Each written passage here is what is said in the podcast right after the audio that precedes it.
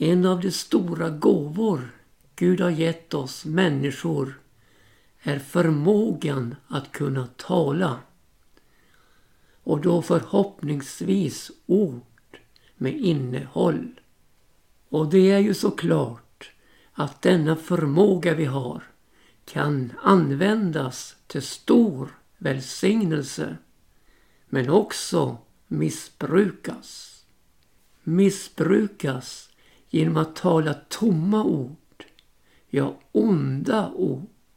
Och vi ska utgå från psalm 73 i Bibeln där Asaf förundras över hur det går det ogudaktiga så väl medan då den rättfärdige har sina svårigheter. Han börjar sin analys i rätt ände och konstaterar sannerligen Gud är god emot Israel, mot dem som har rena hjärtan. Men så fortsätter han och betraktar de ogudaktiga människorna och står där med ett stort frågetecken. Hur kan det vara att det går dem så gott? Och det påverkar honom så pass att han är nära vid att falla. Han säger Men jag hade så när stapplat med mina fötter. Mina steg var nära att slinta. Ty jag upptändes av avund mot det övermodiga när jag såg att det gick dem så väl i deras ogudaktighet.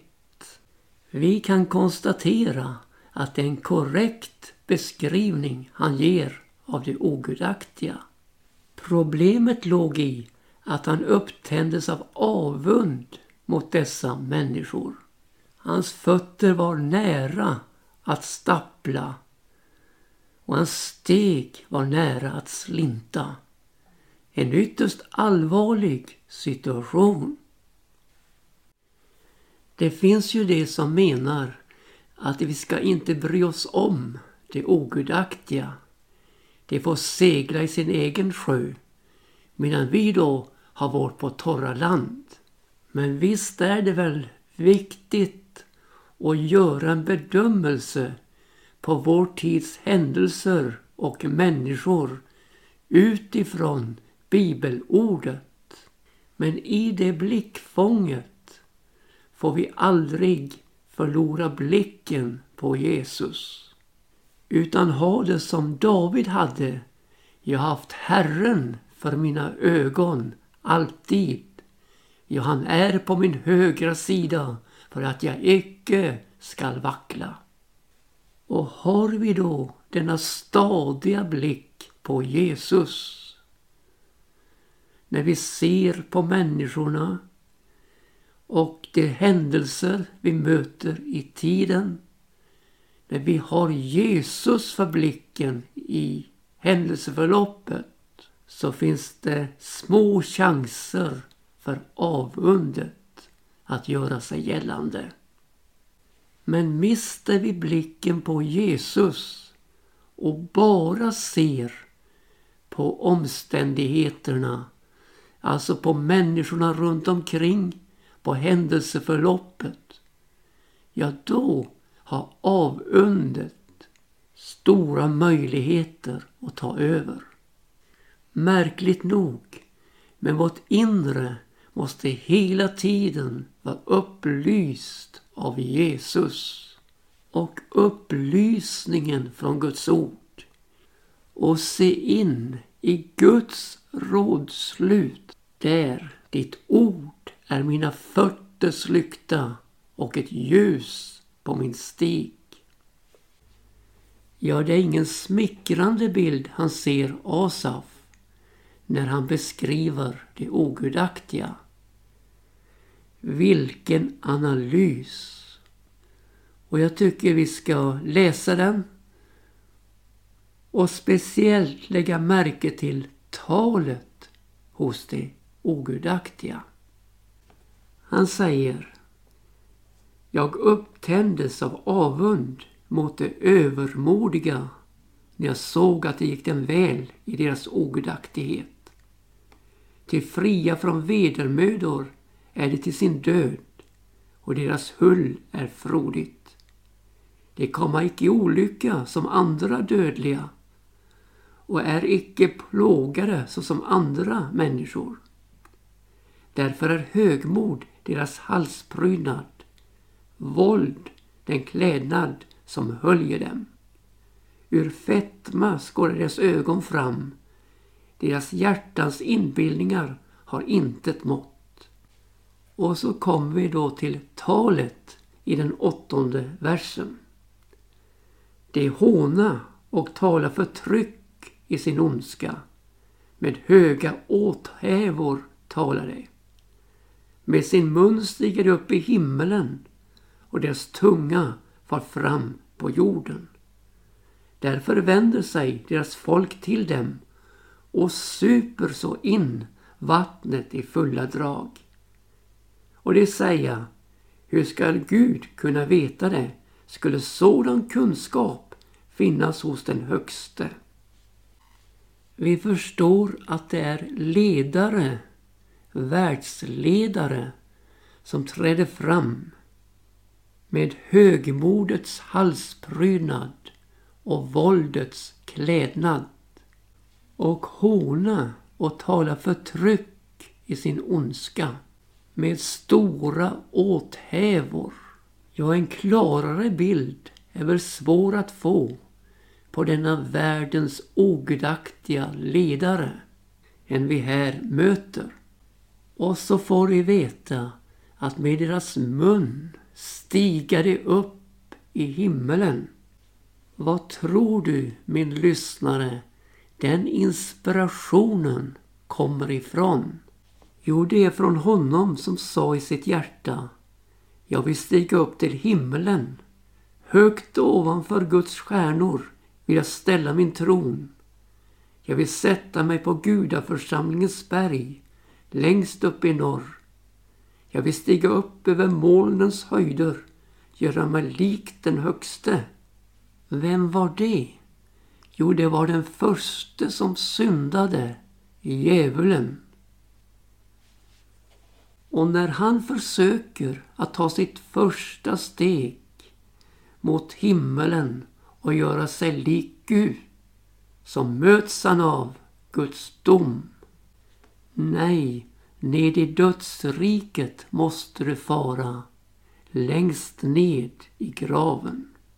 Men så har vi vår underbare Jesus som säger Ingen har stigit upp till himmelen utom han som steg ned från himmelen Människosonen som var i himmelen. Och detta uppstigande till himmelen som Jesus gör går genom lidande till härlighet. För han fortsätter och säger så som Moses upphöjde ormen i öknen så måste Människosonen bli upphöjd för att var och en som tror ska ha liv i honom. Jo, Jesu uppstigande till himmelen går via Golgata. Hans död, hans uppståndelse och så hans himmelsfärd och förhärligande. Och så läste vi att deras tunga far fram över jorden. Och vi förstår att det är ett utbredande av ogudaktigheten som når enorma vidder. En inspiration av förorenat vatten. Och så vänder sig då deras folk till dem och super så in vattnet i fulla drag. Ja, det är ett förorenat vatten fyllt av ondska, fyllt av ogudaktighet, fyllt av orättfärdighet. Som här sups in i fulla drag av mänskligheten. Men så har vi motkraften i Jesus som säger Om någon törstar så kom han till mig och dricke. Den som tror på mig, av hans innersta ska strömmar av levande vatten flyta fram som skriften säger. Vilken motkraft i denna livsström från Jesus i vårt innersta. En motkraft mot denna världens bakteriefyllda och sumpiga vatten som människorna super in.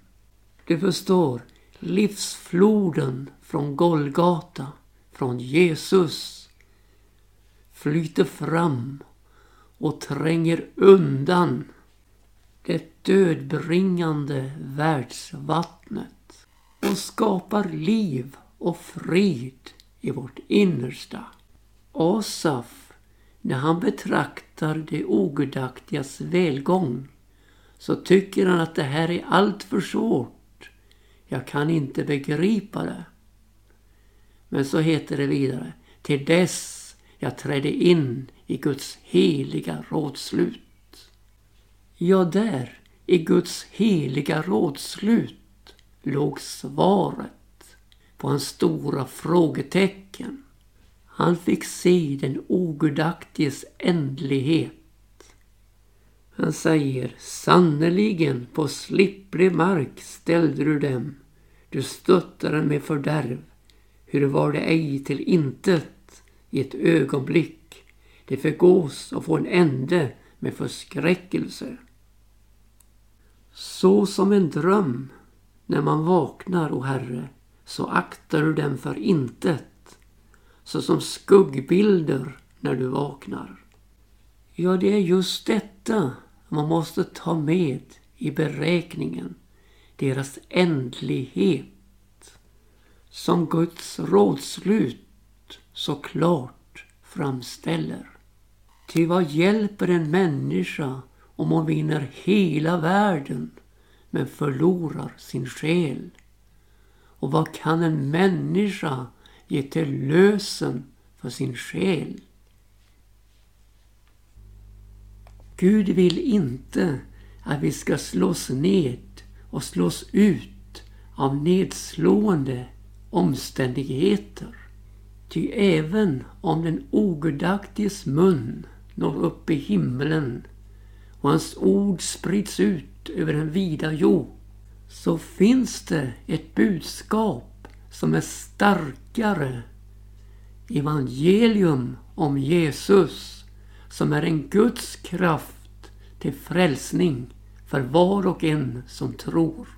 Och det är inte människoord utan Guds förblivande ord.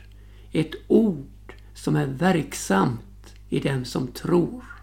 Hur många är det inte som låter sig nedslås och mister greppet om Guds löften och upplever en tomhet där världens förorenade vatten kan strömma in. Nej, låt oss höja fanan och fyllas av ande och liv det levande vatten som Jesus ger.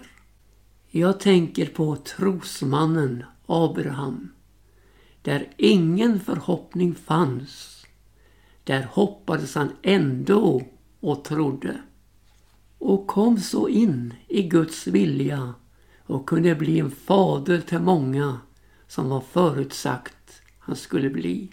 O vad vi behöver ett sådant ändå i våra liv.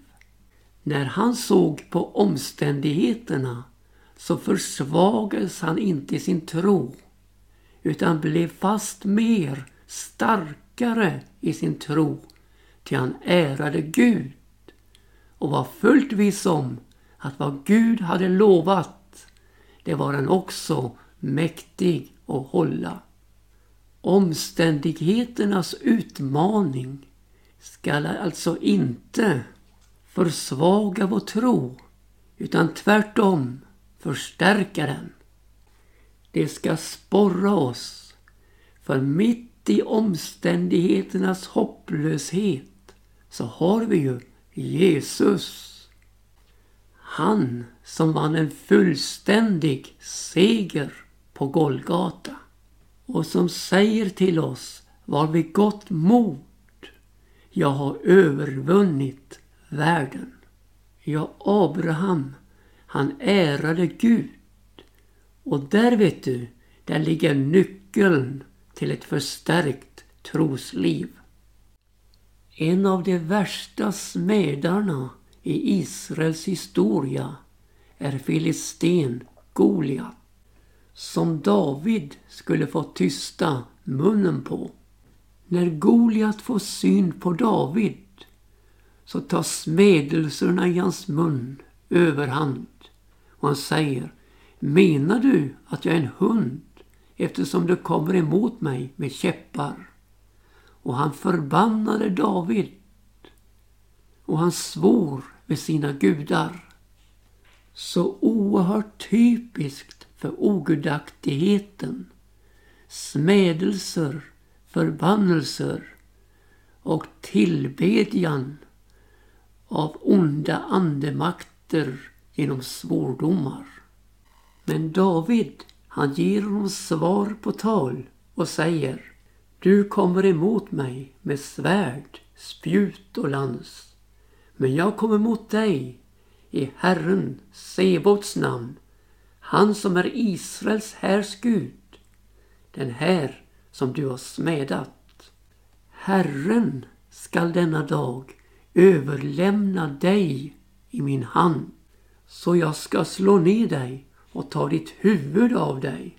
Ja, det var detta som hände på Golgata, då Goliat, bildligt talat, miste sitt huvud och förlorade sin makt. Där var David tog hans svärd och gav honom dödsstöten. Genom döden besegrade döden.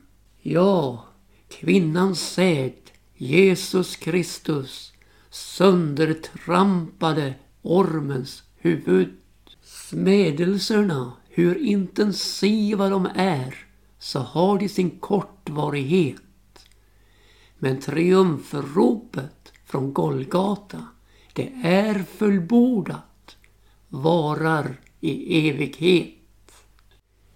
Det mäktigaste och starkaste ord som uttalats här på jorden, det är det ord Jesus talade. Han säger det ord jag har talat är ande och liv. Och han säger vidare Himmel och jord ska förgås, men mina ord ska aldrig förgås. Ja, Jesu ord är bestående och har evigheten i sig. Och så har vi fått det mest kraftfulla budskap som existerar evangelium om Jesus Kristus. En Guds kraft till frälsning för var och en som tror. Hur kan det vara så kraftfullt? Jo, tron kommer av det som predikas och predikan i kraft av Kristi ord. Vi brukar säga i ordspråket att ord har vingar och menar på då att det sprids det vi säger. Jo, ryktet om Jesus det gick ut i de kringliggande trakterna. Ryktet det kunde fånga deras intresse men ryktet var aldrig frälsande. Det var först när de kom själva till Jesus och fick höra honom tala sitt livgivande ord som frälsningsunder, helande under, ja under av alla slag skedde. Nu är det så att änglarna, de har inte fått lov att predika evangelium som vi har fått, som har upplevt frälsningen. Därför är det inte änglavingar som gäller när evangelium ska predikas. Utan det är fotstegen som gäller. Hur ljuvliga är icke fotstegen av de män som frambära gott budskap. Ja, evangelium, det predikas av människor som är fyllda av den helige Ande nedsänd från himmelen med erfarenheten av försoningens verklighet. Ja, talet är verkligen en gåva. Mose, han uttrycker inför Gud och kallelsen att han icke var någon talför man. Och han uttrycker det inför Gud och säger då Ack Herre, jag är ingen talför man. Jag har icke varit det förut och jag är det icke heller nu sedan du har talat till din tjänare. Ty jag har en trögt målföre och en trög tunga. Och Herren sa då till honom Vem har givit människan munnen? Eller vem gör henne stum eller döv, seende eller blind? Är det icke jag, Herren? Så gå nu stad, jag ska vara med din mun och lära dig vad du ska tala. Och ändå fortsätter Moses och säger Ack Herre, sänd ditt budskap med vilken annan du vill. Ja, det är Gud som har gett oss munnen och det är Gud som vill vara med vår mun. Och det är också han som vill lära oss vad vi ska tala. Ja, vi vet hur det gick till. Moses står där inför farao med Guds budskap. Och det är just detta som är det viktiga. Att vi kommer med Guds budskap. Med Guds ord. Och så tänker jag på Paulus. Han vädjar om förböner. När han säger Bedjen och för mig att min mun må upplåtas och det jag ska tala må bli mig givet så att jag frimodigt kungör evangeli hemlighet. Jag bedjen om att må tala därom med de rätta orden. Ja, dessa två gudsmän, Moses och Paulus, fick sin inspiration från Gud och blev dem givet vad de skulle tala. Och hur viktigt är det inte att vi hämtar vår inspiration från samma källa, från Gud. Det är helt enormt vad ordet betyder och vart vår muns uttalade bekännelse av Jesus betyder. För det är ju så här, du behöver inte fråga i ditt hjärta vem vill fara upp till himmelen för att hämta Kristus ned? Eller vem vill fara ned till avgrunden för att hämta Kristus upp ifrån de döda? Vad säger den? Jo, den säger Ordet är dig nära i din mun och i ditt hjärta. Ty om du med din mun bekänner Jesus vara Herre och i ditt hjärta tror att Gud har uppväckt honom från de döda, då blir du frälst. Ty genom hjärtat hjärtats tro blir man rättfärdig och genom munnens bekännelse blir man frälst. Tänk att den ogudaktige kan bli rättfärdig med hjärtats tro på Jesus.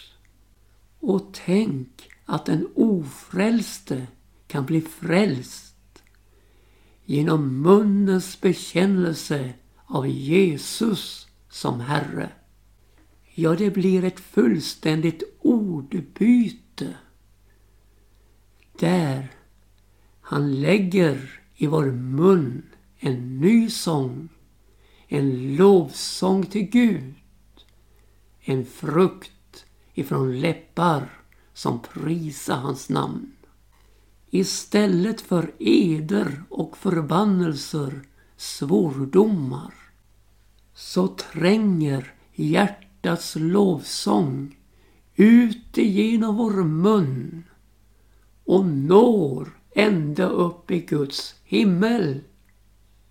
Inför tronen prisande hans underbara namn. Där den ogudaktiges språkbruk aldrig nådde in. Där når den rättfärdiges böner, åkallan och tacksägelse in, ja in till Guds hjärta. Och så når dig det levande vattnet från Jesus med välsignelser. Den himmelska världens andliga välsignelser över ditt liv. Ja, Gud välsigne dig rikligen att använda din mun i detta syfte. Och nu ska vi få höra sången Min sång gäller en konung. Mitt hjärta flödar över av sköna ord.